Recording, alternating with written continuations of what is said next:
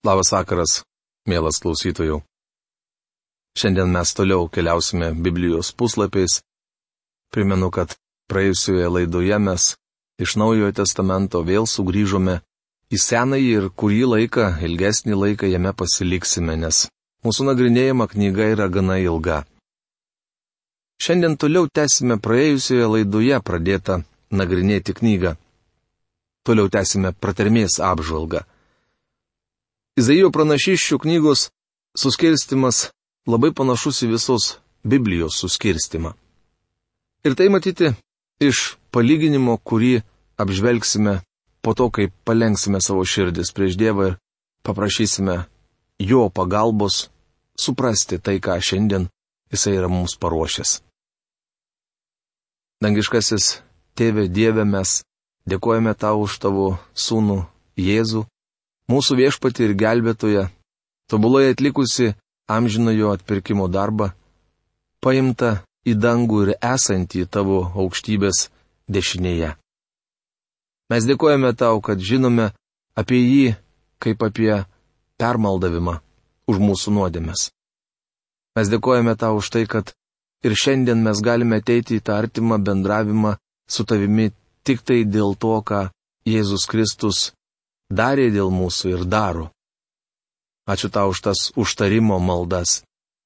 Ir dėkojame tau, kad tu šiandien esi toks pats, koksai buvai vakar ir per amžius.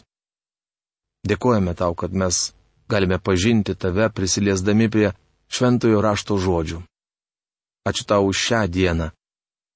Ačiū tau, kad esame gyvi ir gyvename laisvoje šalyje. Kad turime išsaugotą šventraštį į kurį šiandien žvelgdami norime išgirsti tave prabylantį mūsų širdis. Dėkojame tau už tas nuostabes biblinės istorijas, kurias skaitydami galime suprasti tavo kelius praeitie žmonių gyvenime. Ir dėkojame tau, kad tu suteikiai mums galę šventąją dvasę, kuri padeda mums suprasti, kaip tie dvasiniai principai užrašyti žodyje galėtų būti adaptuoti šiam laikotarpiui. Dėkojame tau, tėve, už tą jėgą, kurioje galime praktikuoti tavo žodį kasdieninėme gyvenime. Palaimink tą laiką ir padėk suprasti tai, ką mes šiandien skaitysime. Jėzaus Kristaus vardu. Amen. Taigi, Biblija. 66 knygos. 39 knygos sudaro Senąjį testamentą ir 27 knygos yra Naujasis testamentas. Izaijo knyga, taip pat labai panašu kaip ir Biblija, turi 66 skyrius. Iš jų 39 skyriai kalba apie įstatymą, Dievo valdžią. Ir 27 apie malonę bei Dievo išgelbėjimą. Naujajame testamente yra 66 tiesioginės citatos iš Izaijo knygos.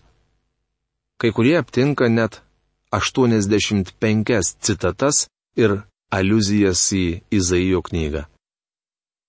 Tiesioginių citatų randame 20 iš 27 Naujojo testamento knygų. Izaijo knyga įausta į Naująjį testamentą lyg marga spalvė gyja į gražią drobę. Ji išsiskiria ir krinta į akis. Izaijo knyga įkalta į Naujojo testamento uolą pneumatinių šventosios dvasios kūjų. Izaijas dažnai cituojamas, norint sureikšminti ar papildyti Naujojo testamento ištraukas, kuriuose kalbama apie Kristų. Šią knygą galima suskirstyti į tris dalis. Pirmoji - pranašystės dalis. Tai pirmas 35 skyriai. Yra poetinė. Istorinis interliudas kitaip fonas 36 39 skyriai nuleidžia mus iš pranašiškų aukštumų į istorinę lygumą. Čia pasikeičia net kalbos forma. Poezija keičia proza.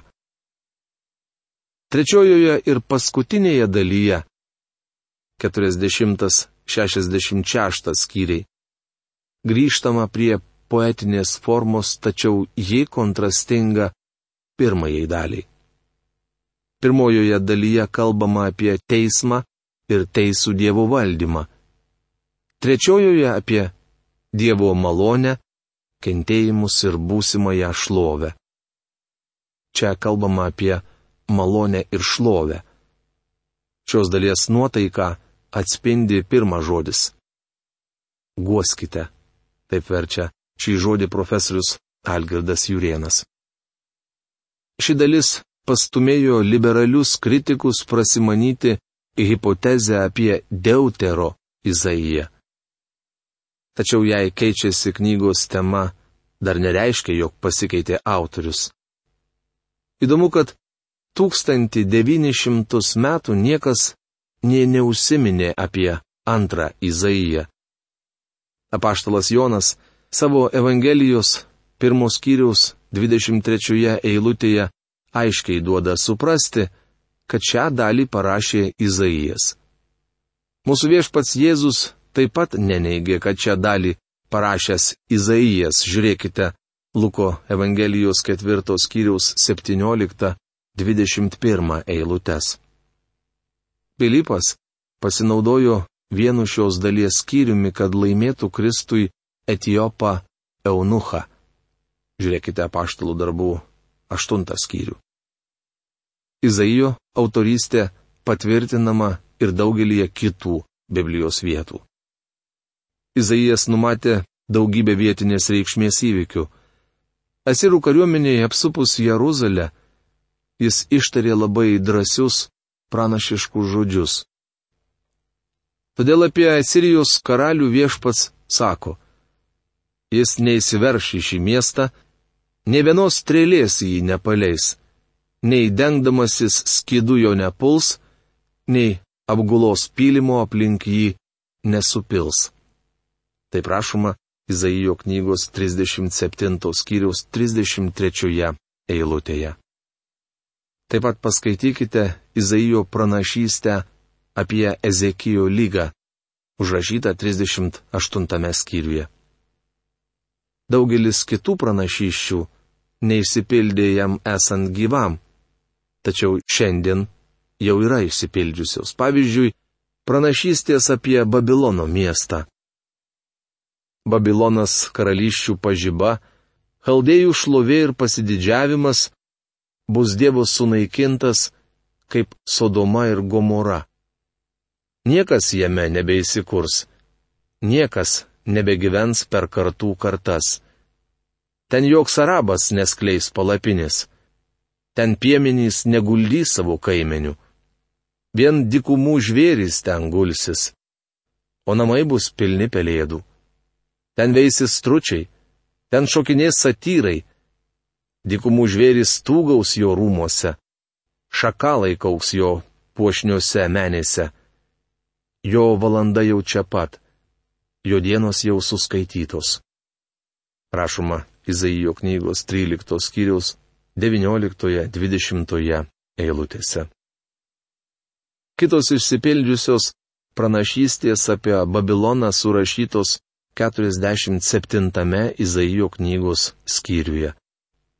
Archeologiniai Babilono tyrimai patvirtino šių pranašyščių tikslumą. Buvo atkasta daugiau nei 80 km Babilono sienų. Šios civilizacijos kultūra ir šiandien tebestebina mokslininkus. Tačiau jį trūnyja dulkėse ir griuvėsiuose, kai buvo išpranašavęs Izaijas. Tai tik vienas iš pavyzdžių. Kitus aptarsime studijuodami šią knygą. Izaijo knygos, kaip ir Naujojo testamento, pagrindinė tema yra viešpats Jėzus Kristus. Izaijas dar vadinamas penktuoju evangelistu, o jo knyga - penktąją evangeliją.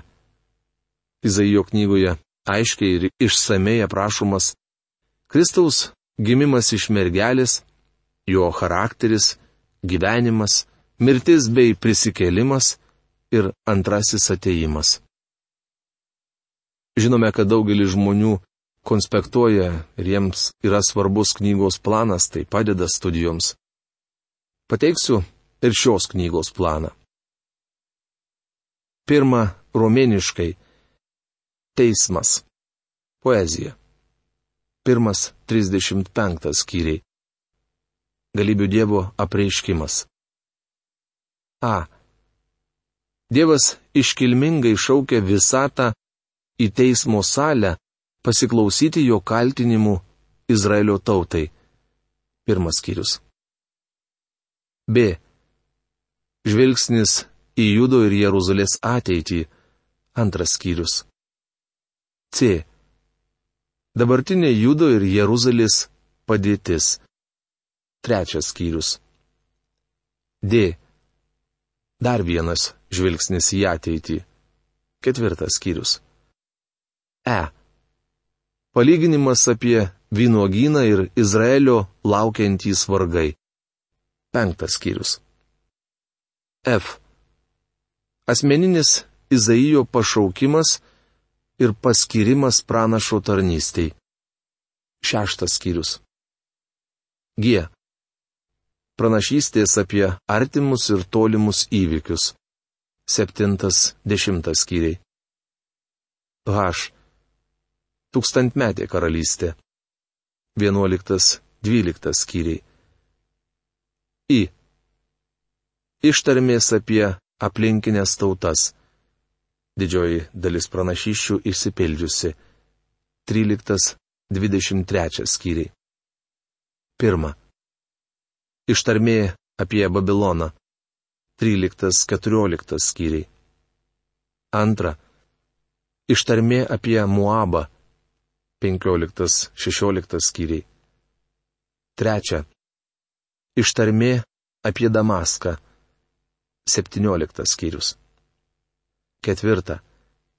Ištarmi apie kraštus anapus Etijopijos upių. 18 skyrius. 5. Ištarmė apie Egiptą. 19-20 skyriai. 6. Ištarmė apie Babiloną, Edomą, Arabiją. 21 skyrius. Septinta. Ištarmė apie regėjimų slėnį. 22 skyrius. 8. Ištarmė apie tyrą. 23 skyrius. J. Karalystė žemėje ir jos įsteigimas. 24-34 skyriai. Ir ką? Tūkstantmetė karalystė ir jos žemiški palaiminimai. 35 skyrius. Antra romėniškai. Istorinis interliudas kitaip fonas. Proza. 36-39 skyriai. Gali būti, jog čia pranašiškai kalbama, kaip Dievas išgelbė savo žmonės didžiojo suspaudimo metu. Žiūrėkite karalių antrą knygą 18-19 skyrius bei metraščių antrą knygą 29-30 skyrius. A.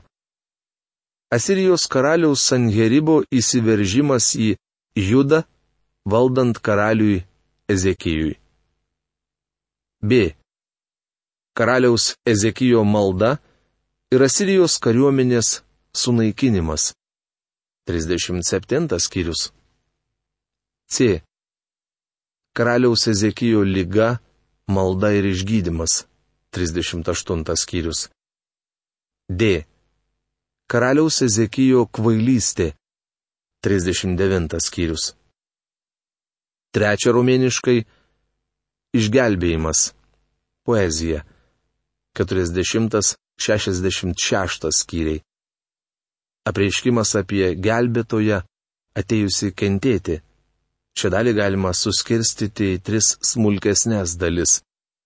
Kiekviena iš jų baigiama mintimi, jog nedoriliai neturės ramybės. A. Jagvės paguoda, kurią suteikia tarnas. 40-48 skyriai. Ištarmė prieš stabmeldystę. Pagalba ir viltis ateina tik iš tarno. B. Jagvės išganimas, kurį suteikia kenčiantis tarnas. 49-57 skyriai. Pirma. Dievo tarnas yra viso pasaulio atpirkėjas. Nuo 49 skyriaus iki 52 skyriaus 12 eilutės. Antra. Kenčiantis tarnas. Dievo avinėlis. Nuo 52 skyriaus 13 iki 53 skyriaus 12 eilutės. Trečia. Atpirkimo, kurį parūpino vienintelis gelbėtojas rezultatai. 54-57 skyriai. C. Jagvės šlovė, kurią atneša kenčiantis tarnas. 58-66 skyriai. Pirma. Nuodėmė užstoja Dievo šlovę 58-59 skyriai. Ir antra. Atpirkėjas ateina į Sioną. 60-66 skyriai. Niekas negali sutrukdyti Dievui. Jis teis nuodėme. Taigi, Izaijo knyga pirmas skyrius. Dievo kaltinimai Izraelio tautai. Pirmame Izaijo pranašystės skyriuje Dievas iškilmingai kviečia visatą į teismo salę pasiklausyti jo kaltinimų Izraelio tautai. Izaijas gyveno įtemptų metu. Daugeliu atžvilgių tai buvo kritinis laikotarpis pasaulio istorijoje. Pasaulį drebino katastrofiniai įvykiai. Artėjo teismas. Vyko dideli socialiniai pakitimai. Šiaurėje buvo iškilusi nauja asirų tauta, kuri vis labiau įsigalėjo pasaulyje. Asirijos kariuomenė garsėjo savo žiaurumu, ir buvo pasirengusi užkariauti pasaulį. Šiaurinė Izraelio karalystė jau buvo paimta į Asirijos nelaisvę. Tas pats grėsė ir pietiniai Judo karalystiai, nes Jeruzalė jau buvo apsupusi Asirų kariuomenė, kurią sudarė 185 tūkstančiai vyrų.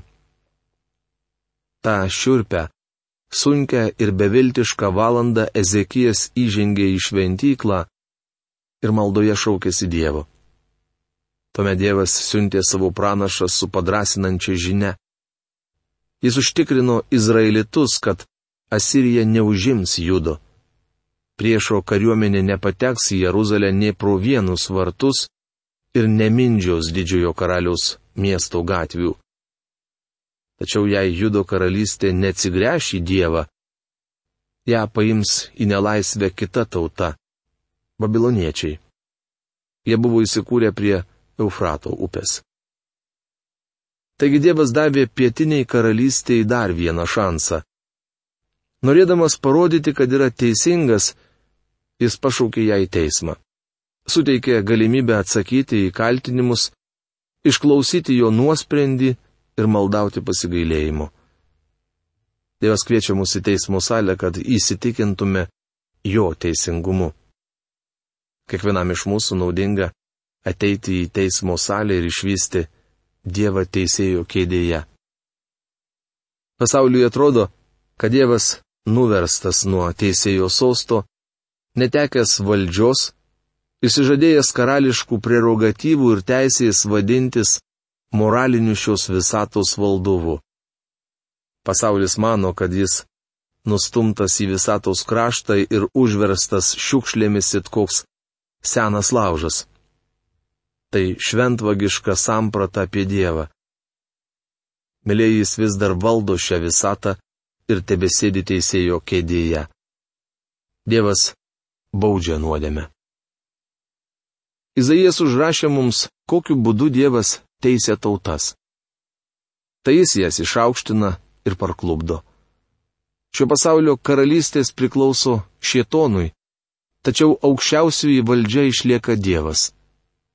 Jis leidžia iškilti galingoms tautoms ir leidžia šetonų jomis naudotis.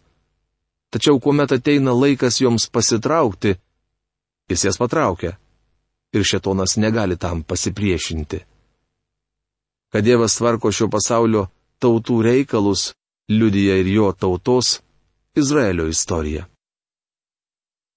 Nuolat prisimenu žodžius iš Mozės giesmės, kurią Izraelio vaikai gėdojo perėję Raudonąją jūrą. Tie žodžiai viešpats yra kovotojas, verčia profesorius Algirdas Jurienas.